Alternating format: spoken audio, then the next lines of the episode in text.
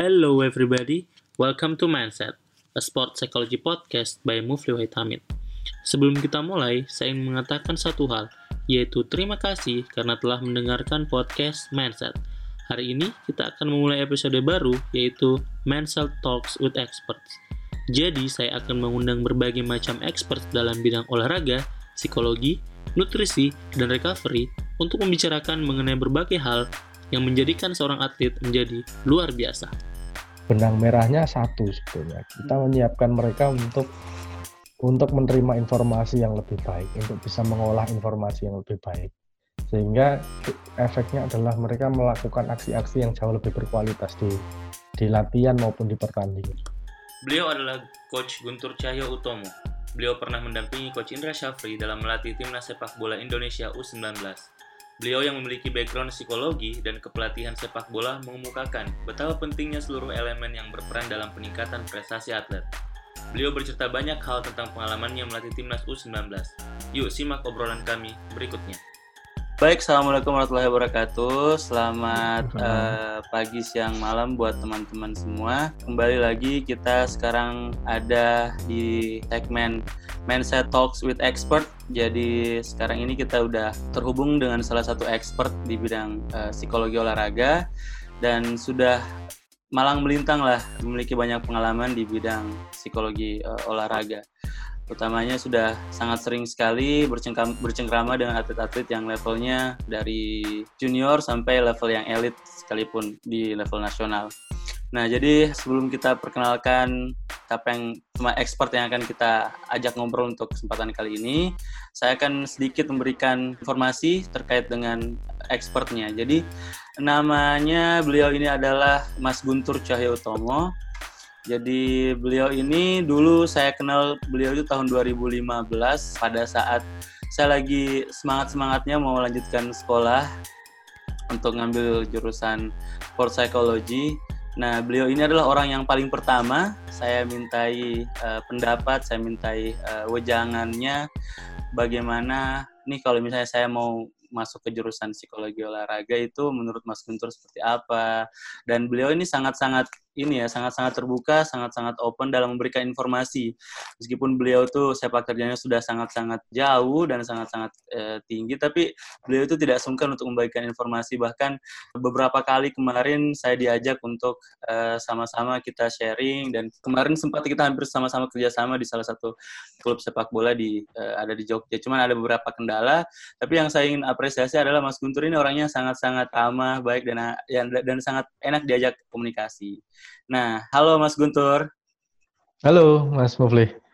Oke, ini uh, terima kasih ya Mas Guntur saya ucapkan terlebih dahulu karena sudah menyempatkan waktunya uh, untuk kita ngobrol-ngobrol. Jadi sekedar informasi Mas, nah ini adalah podcast yang saya buat sekarang. Uh, intinya untuk membangun awarenessnya masyarakat, supaya mereka lebih sadar, lebih aware lagi tentang keberadaan psikologi olahraga dan juga uh, bagaimana penggunaan psikologi olahraga itu sendiri dalam meningkatkan performa daripada atlet. Seperti itu Mas. Yep. Oke, okay. okay. uh, bisa diperkenalkan dulu Mas namanya serta backgroundnya seperti apa? Silahkan Mas Guntur. Uh, baik, uh, ya nama saya tadi sudah disebut gitu ya. Nama saya Guntur Cahya Utomo. Ya, saya kuliah di Fakultas Psikologi UGM S1 S2. Saat ini saat ini saya di PSS Sleman di uh, Akademi PSS Sleman. Saya juga 2005 2013 sampai sorry 2012 sampai 2018 itu sempat berada di timnas U19 waktu itu secara sertifikasi saya pemegang sertifikat pelatih di uh, secara formal di Indonesia. Jadi status saya adalah pelatih sekaligus teman ngobrol gitu loh ya. teman ngobrol. Oke. okay. Jadi yang seperti yang saya bilang tadi di awal itu tahun 2015 itu uh, saya lagi semangat-semangatnya mau cari kuliah, mau lanjutkan sekolah untuk uh, ngambil jurusan psikologi olahraga dan saya agak bingung dan terbentur di mana-mana untuk masalah soalnya di Indonesia belum ada jurusan yang tepat untuk masalah psikologi olahraga itu dan saya ketemu satu berita pada saat itu di salah satu koran nasional kemudian uh, salah satu tajuknya tentang psikologi olahraga dan bagaimana timnas U19 itu menggunakan bantuan daripada psikolog olahraga. Nah, saya bersyukur sekali karena melihat berita itu dan di situlah saya pertama kali membaca namanya Mas Guntur Cahyo Utomo. Akhirnya saya googling googling, saya ketemu kebetulan website yang dibuat oleh Mas Guntur itu sendiri. Nah, di, dari situlah dari website itu saya kemudian baca banyak tulisan Mas Guntur yang ada di sana dan kemudian ada eh, kontaknya. Jadi ada email, kemudian ada nomor HP kalau saya nggak salah. Nah, saya akhirnya hubungin lah Mas Guntur via email dan surprisingly dijawab. Nah, itu itu awal mula kenapa akhirnya saya semakin percaya diri untuk melanjutkan uh, sekolah di di psikologi olahraga meskipun pada saat itu tidak belum ada jalur di Indonesia, da, tapi akhirnya Mas Guntur memberikan banyak sekali saran coba di sekolah ini yang ada di sini di sini di sini dan itu sangat-sangat membantu. Nah, uh, teman-teman mungkin uh, Mas Guntur sudah sempat sebutkan tadi pada tahun 2013 sampai 2015 sempat bergabung di timnas U19 ya Mas ya.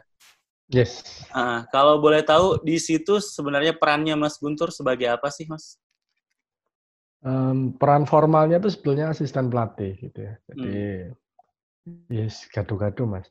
Namanya hmm. juga ya intinya adalah um, kami menggunakan semua semua kemampuan, semua expertise expertise kami untuk untuk developing pemain sebetulnya. Saya saya saya pelatih yang punya background uh, latar belakang ilmu psikologi hmm. dan itu yang bisa apa yang yang coba kita manfaatkan se, sebesar besarnya waktu itu. Oh. Saya sendiri juga di situ uh, kalau dibilang saya psikolog nggak juga, saya dibilang pelatih full juga nggak juga. Yang jelas ya mix antara keduanya gitu Pak. Mm. Saya juga ngelatih di lapangan, saya juga men menjalani beberapa treatment uh, treatment yang sifatnya lebih ke uh, non lapangan dan sifatnya lebih ke aspek mental begitulah. Mm. Kemudian ya itu itu semua kita kita gabung jadi satu akhirnya. Oke. Okay, Kurang okay. lebih seperti itu. Hmm. Hmm. Jadi uh, awalnya memang Mas Guntur ini sudah tertarik di bidang olahraga ya Mas ya. Mungkin selama ya. berkuliah, ber, apakah selama berkuliah S1 dan S2 itu yang di UGM, Mas Guntur sudah ngambil sertifikasi pelatih atau bagaimana sih? Apa yang lebih dulu Mas Guntur lakukan? Apakah menjadi ekspertis di bidang psikologinya dulu? Se ya sebetulnya kalau lebih dulu lebih dulu sepak bola praktisnya gitu ya. Hmm. Karena sebelum kuliah saya pemain. Oke. Okay. Um, meskipun meskipun gagal ke level yang ah. profesional karena ada uh, cedera yang tidak oh, tidak okay. mungkin dipakai untuk main di profesional sehingga uh, sepak bola praktis itu jauh lebih lebih dulu.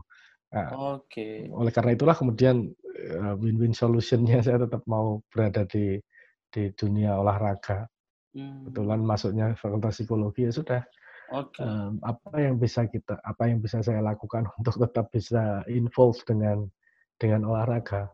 Oh. Kebetulan ya waktu itu kemudian sepak bola nggak nggak bisa lepas dari keseharian karena ya saya ketemu dengan beberapa teman yang juga pemain sepak bola, juga gila dengan sepak bola, kemudian ada supporter. Irisannya akhirnya seperti itu, meskipun meskipun pada akhirnya saya juga menjalani aktivitas uh, kepsikologian gitu ya. Mm -hmm. itu di luar sepak bola awalnya. Mm -hmm. Jadi saya sempat beberapa kali um, saya nggak tahu namanya magang atau apa pun gitu ya untuk mm. cari pengalaman. Pernah di PB Pasi, pernah di PBSI mm. dan Oh, nah, tapi oh berarti keliling-keliling bukan cuma di sepak bola doang ya Mas ya berarti ininya. Awalnya belum, awalnya hmm. belum. Untuk psikologinya ya. Oh, Untuk okay. sepak bolanya itu masih ya sepak bolanya, tapi belum membawa bendera psikologinya. Okay. Jadi sebetulnya ya ya termasuk masuk ke level nasional di sepak bola sendiri sebetulnya ya saya menggunakan passwordnya itu adalah psikologi sebetulnya di awal. Mm, mm, mm, Baru kemudian karena saya bukan pemain pemain nasional, bukan pemain bukan pemain top waktu itu. Oke. Okay, okay. yang kenal. Saya masuk lewat jalur jalur psikologi yang kemudian hmm. um, berkembang berkembang okay. jauh lebih besar di. Hmm. Saya penasaran bagaimana sih bagaimana sih awal ceritanya mas sampai akhirnya nih bisa nyampe di level nasional menjadi seorang asisten pelatih dan juga sebagai teman ngobrolnya dalam artian mungkin ya para atlet dan pelatih dalam hal dalam ranah psikologi itu kenapa bisa nyampe di uh, level nasional, Mas? Ya awalnya saya melatih sepak bola. Awalnya hmm. melatih di di UNJ waktu itu Universitas Negeri Yogyakarta. Oke. Okay. Melatih sepak bola. Sekaligus waktu itu saya saya pakai UNJ untuk uh, aktivitas akademik. Ada hmm. riset di situ, ada uh, uji coba uji coba banyak uji coba di situ. Selain juga saya ngelatih sepak bola di situ. Oh ini uji coba ya. dalam hal psikologi atau gimana mas? Dalam hal psikologi. Ya. Oke. Okay. Oh berarti karena sudah langsung berkecimpung di psikologi olahraga ya? Udah udah iya, langsung. Iya, karena di oh. ngelatih di UNJ itu saya saya posisinya adalah saya sedang kuliah hmm. S2 waktu itu. Jadi banyak riset saya pakai di situ. Oke. Okay. Pakai mahasiswa dan pemain-pemain yang uh, yang main di di di Universitas Negeri Yogyakarta. Hmm. Berarti awalnya uh, di situ ya Mas sekaligus, ya? Hmm, sekaligus saya melatih di situ. Kemudian okay. ya um, dari dalam perjalanannya ketemu beberapa orang, pada akhirnya ketemu Coach Indra, Indra Zafri, kemudian uh. diajaklah untuk bergabung di timnas. Oh. Ya dari situ ya kesempatan itu saya nggak nggak nggak sia-siakan karena um, ya itu kesempatan yang cukup menarik untuk di dijalani gitu. Iya iya iya. Dari ya. situ ya saya mengembangkan dua dua-duanya gitu ya hmm. saya tetap bisa bisa mengaplikasikan uh, ilmu psikologi yang saya pelajari selama selama selama itu hmm. kemudian saya juga bisa uh, saya juga bisa developing uh, kepelatihan ilmu kepelatihan yang saya sebenarnya juga sangat, sangat suka hmm. jadi ya hmm. dua-duanya jalan sehingga saya di awal tadi saya bilang bahwa ya peran saya memang agak agak ganda begitu kan. Mm, mm, agak mm, ganda dan uh, kalau dibilang psikolog enggak juga, dibilang asisten. Sebetulnya jauh lebih nyaman dibilang asisten pelatih meskipun ada peran peran konseling di situ, ada peran um, treatment treatment yang spesifik uh, psikologi di situ. Okay, Tapi okay. secara formal di di di badan di induk di induk uh, olahraganya itu saya saya sebagai asisten pelatih sebetulnya. Oke oke oke. Nah oke, okay. Mas Guntur tadi menyebutkan uh, selain menjadi asisten juga sering kali menggunakan uh, teknik-teknik atau intervensi psikologis dalam uh, melaksanakan pelatihan, uh, melaksanakan ya pelatihannya gitu ya Mas selama melatih. Nah itu apa apa aja sih Mas uh, dalam hal dalam artian untuk masalah apa saja, kemudian treatment apa yang digunakan selama melatih itu? Ya, uh, sebetulnya kalau ngomong intervensi, saya nggak tahu apakah itu kategorinya intervensi atau enggak gitu ya. uh, kalau dalam dalam tataran tat, uh, definisi ilmu psikologi gitu ya. Tapi hmm. yang jelas uh, secara prinsip saya prinsip, prinsip pertama yang saya lakukan adalah saya membantu. Yeah. Saya berusaha membantu semaksimal yang dan sebisa yang saya, saya, saya tahu membantu pemain untuk um, uh, untuk apa pun untuk develop untuk untuk develop lebih jauh untuk menerima pesan yang jauh lebih efisien dan dan seterusnya karena memang uh, apalagi di dunia di sepak bola di di olahraga apa pun dalam konteks ada dua dua konteks besar hmm. yang harus dicermati uh, dan itu kita, harus difahami semua orang bahwa ketika ketika kita latihan dibutuhkan kepala yang segar, dibutuhkan otak yang segar untuk bisa menerima informasi latihan ya, ya. dan bisa mengeksekusi, mengeksekusi latihan itu dengan dengan baik. Karena ya itu prinsipnya latihan, tidak hanya melatih uh, fungsi ototnya, fungsi geraknya, tapi itu ada relasi langsung dengan apa yang fungsi kognitifnya. Hmm. Sehingga uh, dua hal itu saya seperti seperti halnya teman-teman fisioterapis, hmm. teman-teman uh, medis begitu ya. Mereka mereka menyiapkan tubuh pemain itu untuk menerima uh, menerima apa namanya latihan stimulus latihan. ya stimulus stimulus latihan yang yang akan mereka gunakan untuk proses pertandingan nanti. Okay. Mereka menyiapkan ototnya, mereka menyiapkan tubuhnya, mereka menyiapkan uh, fisikal lah, aspek hmm. fisikal. Hmm. Yang saya lakukan saya mencoba membantu mereka untuk menyiapkan uh, aspek emosional, aspek yang tatarannya itu di wilayah wilayah otak dan processing proses kognitif. Karena itu yang paling sering mengganggu kalau banyak orang bilang ah, pemain pemain kehilangan konsentrasi, pemain sebetulnya garis benang merahnya satu sebetulnya. Kita menyiapkan mereka untuk untuk menerima informasi yang lebih baik, untuk bisa mengolah informasi yang lebih baik. Sehingga efeknya adalah mereka melakukan aksi-aksi yang jauh lebih berkualitas di di latihan maupun di pertandingan. Beliau adalah Coach Guntur Cahyo Utomo. Beliau pernah mendampingi Coach Indra Syafri dalam melatih timnas sepak bola Indonesia U19. Beliau yang memiliki background psikologi dan kepelatihan sepak bola mengemukakan betapa pentingnya seluruh elemen yang berperan dalam peningkatan prestasi atlet. Beliau bercerita banyak hal tentang pengalamannya melatih timnas U19. Yuk simak obrolan kami berikutnya. Potensi untuk mengganggu proses belajar hmm, yang iya, pada akhirnya mengganggu proses belajar eh, proses okay. perkembangan mereka. Okay, okay. Seperti itu. Jadi okay. uh, eh, bentuk intervensinya apa ya? Ya teman ngobrol. Kadang-kadang cuma teman ngobrol, kadang-kadang teman main PS, Wah. kadang-kadang teman yeah, yeah. iya teman-teman nongkrong bareng, nong, uh, nongkrong di di coffee shop atau apa segala macam. Uh, uh. Akhirnya seperti itu. Oke, oke, oke, oke. Ya, selain itu ya memang cuma ada informasi-informasi yang saya berikan ke staf pelatih yang lain atau staf staf uh, ya staf tim yang lain, entah itu entah, entah itu staf teknis, staf staf pelatih, entah itu uh, staf medis. Hmm. Saya juga memberikan informasi apa yang yang kira-kira bisa dikolaborasikan dengan mereka. Ya, ya, ya. Dalam tataran apa membuat membuat desain latihan desain latihan yang lebih lebih baik, kemudian uh, treatment medis yang lebih baik untuk membantu membantu uh, refreshment otak dan refreshment kognitif mereka atau emosional mereka. Hmm. Um, akhirnya seperti itu di di hmm. lapangan yang dilakukan. Hmm. Oke, okay. saya sering kali mas hobi hobi dengan main tenis ya mas ya. Seringkali juga hmm. saya datang ke pertandingan sepak bola yang pesertanya itu atau atletnya itu adalah atlet-atlet yang masih junior, yang masih muda gitu mas. Nah yang menarik saya pernah datang waktu itu pelatihnya ngomong gini mas nih, bilang ke salah satu orang tua atlet itu karena sebelumnya itu ada pertandingan antara atlet dua, dua orang atlet nih. Nah kemudian atlet salah satunya atletnya kalah nih.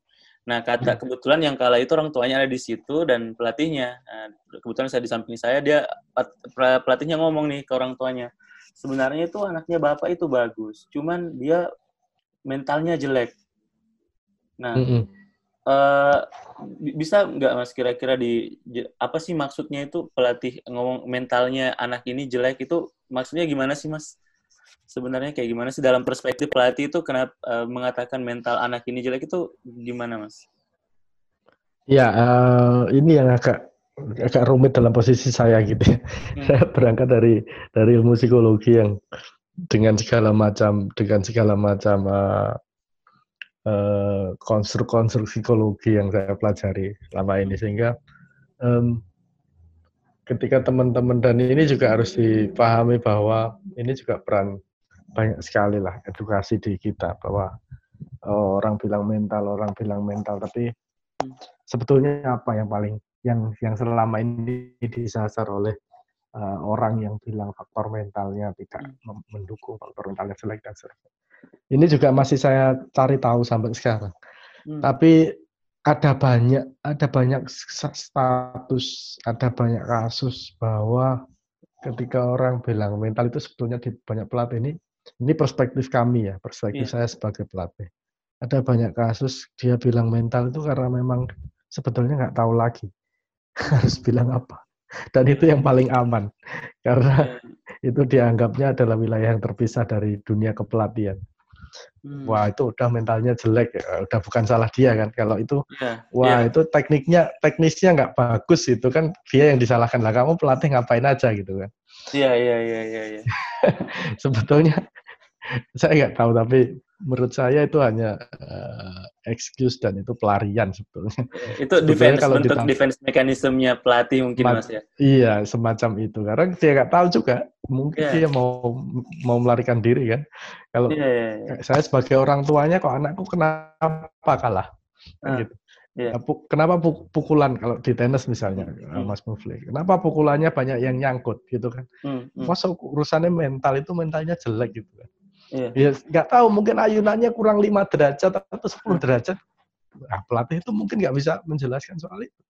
Yeah, yeah, atau iya. gerakannya mungkin terlambat sepersekian detik sehingga bola itu sudah sudah agak turun ketika dipukul sehingga uh, berpotensi lebih banyak nyangkut. Gak tahu gitu kan, tapi itu yang paling sederhana dilakukan oleh pelatih. Ya, ya, ya, ya, ya. Saya tidak bilang semua pelatih gitu ya, tapi kebanyakan pelatih menggunakan kalah di pertandingan sepak bola juga seperti itu. Timnya hmm. kalah. Hmm. Main bawa bawa bawa kalah.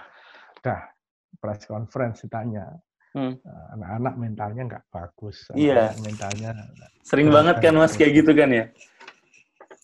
Uh, ya boleh juga sih, tapi tapi kan bukan solusi akhirnya. Yeah, Apalagi yeah. kalau kalau untuk urusan media sih media juga masa bodoh karena nggak tahu. tapi tapi kalau urusan orang tua itu kan sebetulnya pertanggungjawaban kan. Betul, betul, betul, betul. Saya harus memberi apa? Memberi itu itu versi versi sebagai pelatih gitu ya. Tapi hmm. ada satu hal yang sangat penting sebetulnya untuk dipahami itu juga menyangkut kita yang berkecimpung di dunia psikologi hmm. bahwa itu sinyalemen buruk untuk hmm. dunia psikologi sebetulnya. Iya. Artinya yeah. apa? Artinya artinya pesan yang mau dibawa oleh orang-orang yang belajar psikologi itu nggak pernah sampai. Nah, betul. betul. Itu itu masalah gitu, itu masalah. Sehingga tetap aja ini seperti um, kata mental, kata uh, emosi, kata motivasi atau apa pun yang berkaitan dengan uh, konstruksi psikologi itu, itu seolah-olah jadi senjata. Gitu.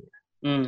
Karena karena kita juga tidak pernah menjelaskan, kita tidak pernah menjelaskan ke dunia olahraga praktis. Yeah. Yang disebut mental di olahraga itu apa sih? Hmm. Itu yang jadi masalah. Selama ini kita juga menjelaskan itu motivasinya jelek Hmm, itu yeah. konsentrasinya jelek, hmm. itu kecemasannya tinggi. Kita kita lupa bahwa orang itu juga nggak tahu yang disebut motivasi itu apa. Yang kita aja yang belajar psikologi aja motivasi ada definisi-definisi kita sehingga yeah. tahu. Tapi coba kita tanya ke pemain atau ke pelatih, dek kamu konsentrasinya harus diperbaiki, diperbaiki. Yeah. Oh, Oke, okay, diperbaiki. Konsentrasi itu apa? Iya. Harus yeah, yeah. Uh, harus memfokuskan pada satu titik tertentu. Oke, sekarang kita ngomong tentang tenis, tentang basket, tentang sepak bola. Apa yang harus saya fokuskan? Satu titik tertentu. Itu bola ke mana-mana. Itu banyak sekali orang. Ah, menarik, menarik, menarik. Betul, betul, betul, betul. Sehingga kita sebetulnya, ya bagi saya adalah saya gagal menjelaskan konsep-konsep psikologi itu sehingga selama sejauh ini masih ada orang-orang yang menggunakan kata mental itu inappropriate lah gitu. Hmm. Tidak tidak pada tempatnya sehingga sehingga ya akhirnya juga cuma jadi alat uh, apa tadi melep defense mechanism aja. Ya? Iya, alat hmm. alat alat melarikan diri tadi hmm. hmm untuk hmm, ditanya hmm. lebih jauh gitu kan. Iya iya iya iya ya. Barangkali ketika kamu main tenis kalah kenapa kenapa kalah? Dia nggak pernah bilang ayunannya selalu terlambat atau uh, responnya itu selalu terlambat atau pukulannya itu atau mungkin sudut raketnya itu masih terlalu lebar atau apa. Uh, iya, yang iya, selalu iya. dibilang pertama mentalnya jelek, yang kedua tuh fisiknya jelek, habis. Gitu. Dua hal itu seolah-olah bukan tanggung jawab pelatih, itu iya, iya, itu iya. tanggung jawabnya psikolog, yang mental, yang fisik itu tanggung jawabnya pelatih fisik dan dikembalikan lagi ke pemainnya, pemain nggak disiplin. Kenapa kamu fisiknya jelek? Ya karena mungkin kamu nggak istirahat bagus, kamu nggak makan bagus. Akhirnya atletnya sendiri, pelatih nggak pernah mau disalahkan. ya, ya, ya. Seperti cuci tapi, tangan ya mas. Ya? Iya, betul semacam itu. Ah itu sebetulnya oke okay lah. Itu itu pelatih juga harus oke, okay, oke. Okay. Tapi itu ada tanggung jawab kita sebagai orang-orang yang ya sekolah formal di, di ilmu psikologi untuk menjelaskan itu. Nah, saya saya berharap dengan podcast-podcast ini, dengan apa yang dilakukan hmm. Mas Mufli itu memberi informasi yang jauh lebih proporsional tentang apa itu mental, apa itu tentang psikologi, apa itu faktor mental di olahraga. Hmm. Kita iya, nggak yeah, bisa yeah. ngomong tiba-tiba kita datang, plap, kemarin tiga kali kalah tiba-tiba kita datang besoknya menang Hmm. ya dalam dunia dalam konteks akademik pun itu tidak belum ses- menjadi sesuatu yang bisa di Iya, iya, iya. bisa Betul, bertanggungjawabkan Betul, betul, betul. betul. karena kita nggak tahu apakah itu faktor faktor apa Iya. yang kita lakukan atau jangan-jangan cuma sekedar mereka bosan dengan lingkungan lama mereka kita tidak datang di situ ada orang baru ah, ternyata mereka lebih segar dan besok menang Iya, iya, iya, menarik, menarik, menarik. Tapi kalau Mas Guntur sendiri sebagai seorang pelatih, apakah percaya tidak sih bahwa faktor psikologis itu sangat penting untuk pemain? Semua faktor mas ya. jadi tubuh kita saya sa- saat, saat ini dalam kondisi saya percaya bahwa tubuh ini satu satu kesatuan Hmm, kita nggak bisa ngomong saya apalagi di sepak bola kita nggak bisa ngomong hanya sekedar ini faktor mental atau apa hmm, Oke, fine. By, at, by the end of the day, gitu kan, ya, pada akhirnya ketika ngomong top level, top level, top top top top top level, kita ngomong sepak bola di, di Lig- Liga Inggris, Liga Spanyol mungkin. Ketika kita ngomong eh, di level mereka, Hmm. eh, hal detail itu akan sangat bermasalah. hmm. Apakah faktor psikologi? Could Hmm. be, mungkin. Iya, iya. Apakah faktor faktor fisik? Ya iya, pasti. De- mungkin. Apakah faktor eh, apa tadi? Saya pikir kalau di level mereka Istirahat. kita nggak ada Hmm, nggak ada nggak ada persoalan dengan urusan teknis gitu ya. hmm, Mungkin gitu ya, mungkin. Jadi eh, kalau dibilang apakah psikologi itu sangat penting ya semua sangat penting. Bahkan bahkan salah milih sepatu aja masalah gitu kan di top level, top top top level. iya, iya, iya. kalau di kita nggak bisa compare nggak bisa compare elit elit atlet Olimpik dia kayak Michael Phelps di renang atau Roger Federer di tenis Lionel Messi di sepak bola itu kita compare dengan eh, atlet mahasiswa di kita sebetulnya itu karena kalau di atlet mahasiswa kita di kita ini yang ini yang harus kita kita kita telaah lebih jauh sebetulnya. Kita selalu membandingkan ukuran eh, top level atlet Hmm. top, top level sport di dunia sana itu dengan eh, ukuran-ukuran lingkungan kita. Hmm, Ini yang agak bermasalah sebetulnya. Jadi itu kenapa muncul istilah kita menelan mentah-mentah. Ini faktor mental itu 90%. hmm, Jadi ada konseptual yang ada konsepsi yang agak berbeda di di top level sana dengan oke 90% fine. Dalam rangka apa? Dalam rangka detail tadi. Di top level ketika Roger Federer ketemu dengan eh, Rafael Nadal misalnya, nggak ada nggak ada isu teknis lagi, nggak ada isu Iya. isu taktis lagi. Hmm, They've done with those all things gitu ya. Semua, iya mereka meremaja bola itu sampai kok. Sehingga apa yang terjadi ketika du- ada dua atlet di top top top top level nggak ada isu tentang teknis, nggak ada isu tentang fisik. Kita ngomong, kita bicara tentang mereka super fit gitu ya. Mereka Hmm. betul-betul dalam kondisi fit secara fisik. Yang membedakan itu apa akhirnya? Membedakan itu ya decision mereka. Hmm. Decision yang ada di otak mereka itu cognitive factor. Cognitive factor itu dipengaruhi oleh apa? Banyak sekali. Iya, iya. Ya itu yang kita selama ini bilang itu faktor faktor psikologis akhirnya. Jadi kognitif faktor yang mempengaruhi kecepatan kecepatan pem- pengambilan keputusan mereka ketika main. Akhirnya. Hmm, Mungkin sebelum main mereka ketemu dengan em, kabar yang tidak menyenangkan. Mungkin beberapa malam dia harus eh, ketemu dengan beberapa aktivitas yang tidak menyenangkan hmm, itu akhirnya ngomong ten- tentang kita bisa bilang bahwa itu faktor mental gitu ya.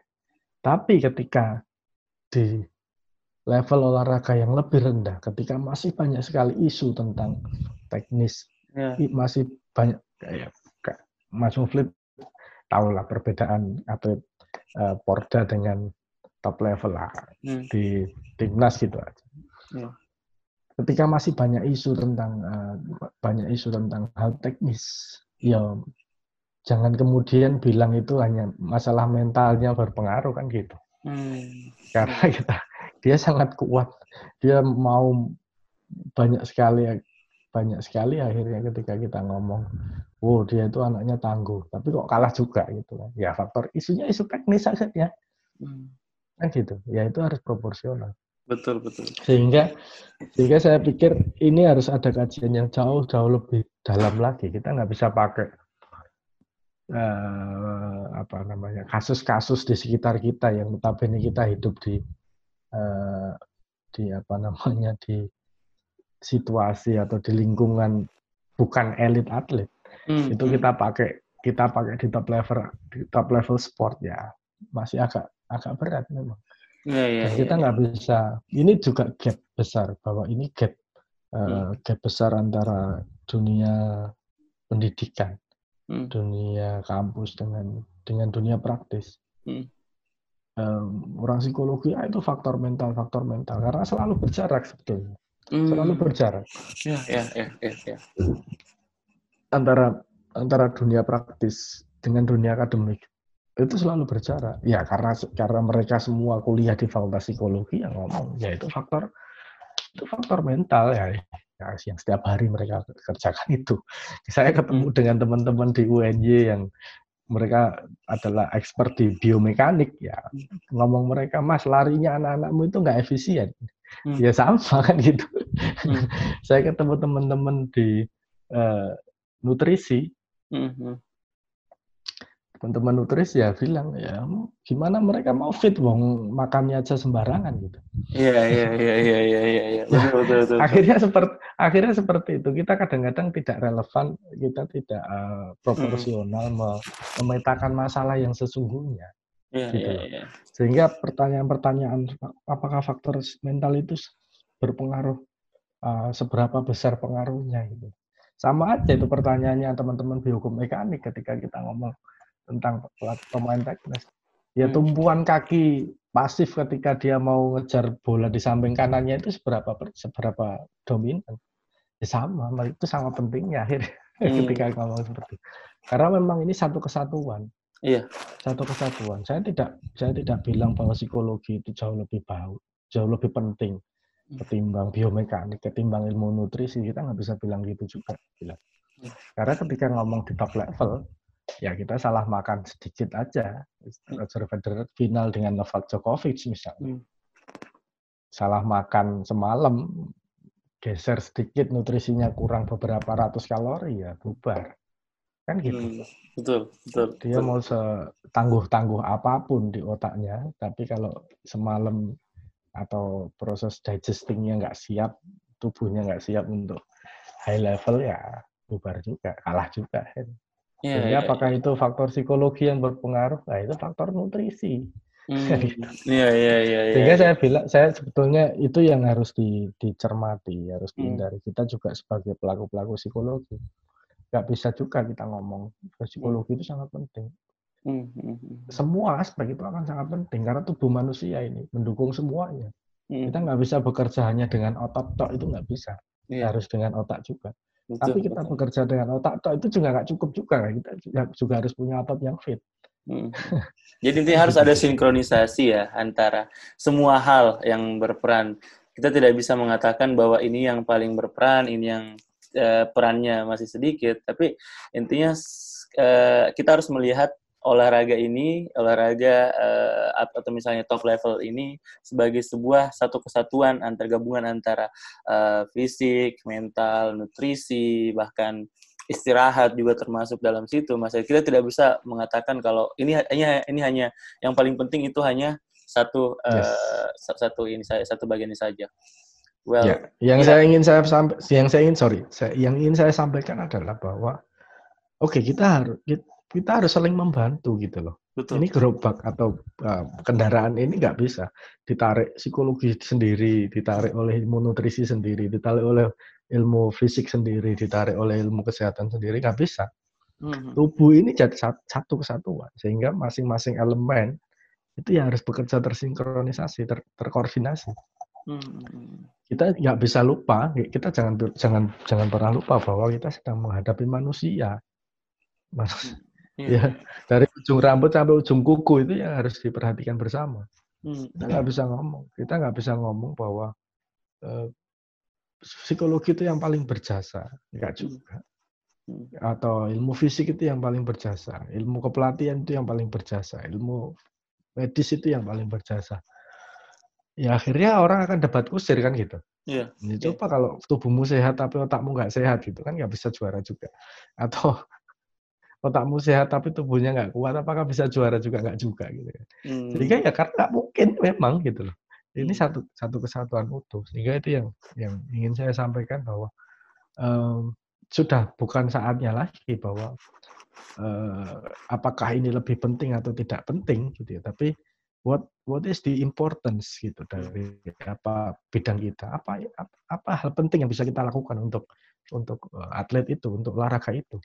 Itu dari perspektif kita tentu saja. Dan bagaimana itu membangun sebuah ekosistem ekosistem uh, yang bagus dengan dengan disiplin ilmu yang lain Hmm. Itu yang yang jauh lebih ya. jauh lebih penting sebetulnya. Setangkap poinnya kerjasama dari seluruh aspek menjadi menjadi sangat-sangat uh, krusial mas ya untuk ya. meningkatkan ya. uh, untuk meningkatkan prestasi suatu ini suatu suatu negara bahkan. Nah kalau kita lihat nih sekarang uh, mas sendiri sebagai uh, pelaku olahraga di Indonesia, apakah negara kita ini, karena Mas Guntur sudah pernah terlibat di uh, pengelolaan timnas sendiri, apakah Mas Guntur melihat um, sekarang ini kita di olahraga ini sudah uh, memiliki seluruhan aspek-aspek tersebut dalam artian apakah seluruhan aspek tersebut sekarang sudah diperhatikan uh, oleh oleh oleh penyelenggara olahraga kita, Mas? Ya kalau ngomong penyelenggara olahraga agak rumit gitu ya. Ini akhirnya kita ngomong politis dan nggak ada ujungnya sih. Ya, saya nggak ya. tahu lah. Saya sebetulnya kalau soal kebijakan saya saya sebetulnya tidak karena kita hanya akan terjebak ketika ngomong seperti itu. Kita hanya akan terjebak pada um, pada keluhan-keluhan, pada ketidaknyamanan, ketidaknyaman yang pada akhirnya kita nggak bisa nggak bisa optimal ngapa-ngapain gitu ya. Saya, saya lebih suka, saya lebih memilih uh, posisi ya sudah apa yang bisa kita lakukan, apa yang bisa saya lakukan untuk uh, untuk untuk untuk yang uh, untuk sesuatu yang saya hadapi ini. Uh, saya lebih suka itu. Kalau dibilang kalau dibilang uh, apakah sudah ideal atau bahkan bahkan kita ngomong Real Madrid, Barcelona atau MU sendiri pun juga nggak ada yang ideal kok kalau ngomong ideal. Mereka jauh lebih maju, jauh lebih komplit ya. Tapi kalau ditanya mereka ada yang masih kurang ya ada, hmm. gitu loh. Tapi poinnya bukan itu saya pikir. Poinnya hmm. adalah um, ayo kita apa? Kamu punya ilmu psikologi, kamu punya punya ilmu uh, ilmu nutrisi, kamu punya ilmu kepelatihan, kamu punya Oke, okay, dalamilah ilmu itu dan lakukan sesuatu sehingga kamu bisa melakukan sesuatu untuk untuk yang kamu sukai kan gitu. Okay. Kalau kamu suka olahraga apa pun itu ya lakukan ya. Lakukan itu karena karena nggak penting juga kita ngomong tentang ya selain nggak penting saya malas juga gitu ya. ngomong tentang ini kurangnya kita nggak mau kayak gitu. Okay. Gak ada habisnya kayak gitu. ya Jadi buat saya sih lebih sederhana lebih sederhana melakukan itu. Ya ya kalau dibilang saya kerja di tempat yang sudah ideal ya enggak hmm, hmm. enggak enggak enggak juga itu kan di di timnas ya banyak sekali masalah ya itu ya tapi kan bukan berarti bukan berarti terus kita nggak ngapa-ngapain kan gitu hmm, hmm. tetap aja kita kerja di situ misalnya kalau kita dalam konteksnya kerja gitu ya hmm. dalam konteks profesional ya kita lakukan aja Okay. Meskipun apa yang kita lakukan kadang-kadang juga tidak ada apresiasi, kadang-kadang tidak ada, kadang-kadang malah justru di uh, justru dipinggirkan dan seterusnya. Yeah. Ya nggak apa-apa, ya nggak apa-apa. Yeah, ya yeah. Iya. gimana itu ada ada yang suka, ada yang enggak. Ya. Sama aja di mana pun, saya pikir seperti itu. Okay. Jadi ya mending ayo uh, kita pelajari yang harus kita pelajari, kita aplikasikan apa yang harus kita aplikasikan. Itu aja sih. Oke. Okay. Sip. Oke deh, Mas Guntur. Terima kasih banyak ya. Ini luar biasa sekali uh, pencerahan-pencerahan yang saya dapatkan uh, setelah ngomong dengan Mas Guntur bagaimana kita harusnya memang bekerja sama ya dari semua ilmu, dari semua yes. bidang kita bekerja sama, kita uh, ngobrol, duduk bareng, kita uh, berembuk apa yang kita bisa lakukan untuk membantu uh, meningkatkan performa daripada performa dan prestasi daripada uh, cabang olahraga cabang olahraga yang sedang kita tekuni ini.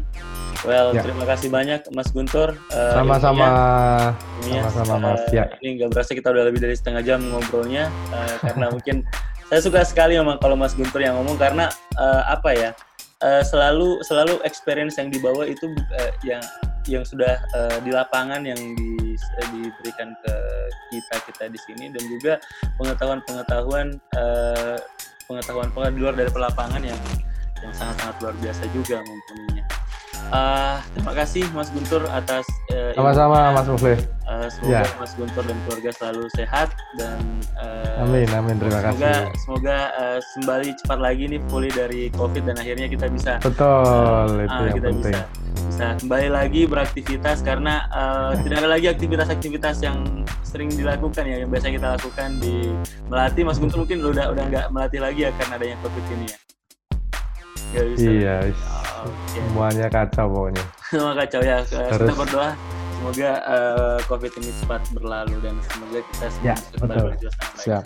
Oke, Mas Guntur, uh, terima kasih ya. sekali lagi. Sama-sama, ya, sama-sama. Salam untuk keluarga. Salam untuk keluarga. Terima kasih. Makasih, ya. mari Mas Guntur. Assalamualaikum. Mari, mari. Salam.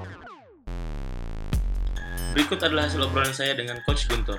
Bila ada hal yang semestinya teman-teman ambil, yaitu adalah optimisme bahwa Indonesia dengan segala potensi yang dimilikinya tentu saja berkesempatan untuk berprestasi di level internasional. Tergantung bagaimana kolaborasi kita semua dalam memaksimalkan kemampuan dan sumber daya yang dimiliki.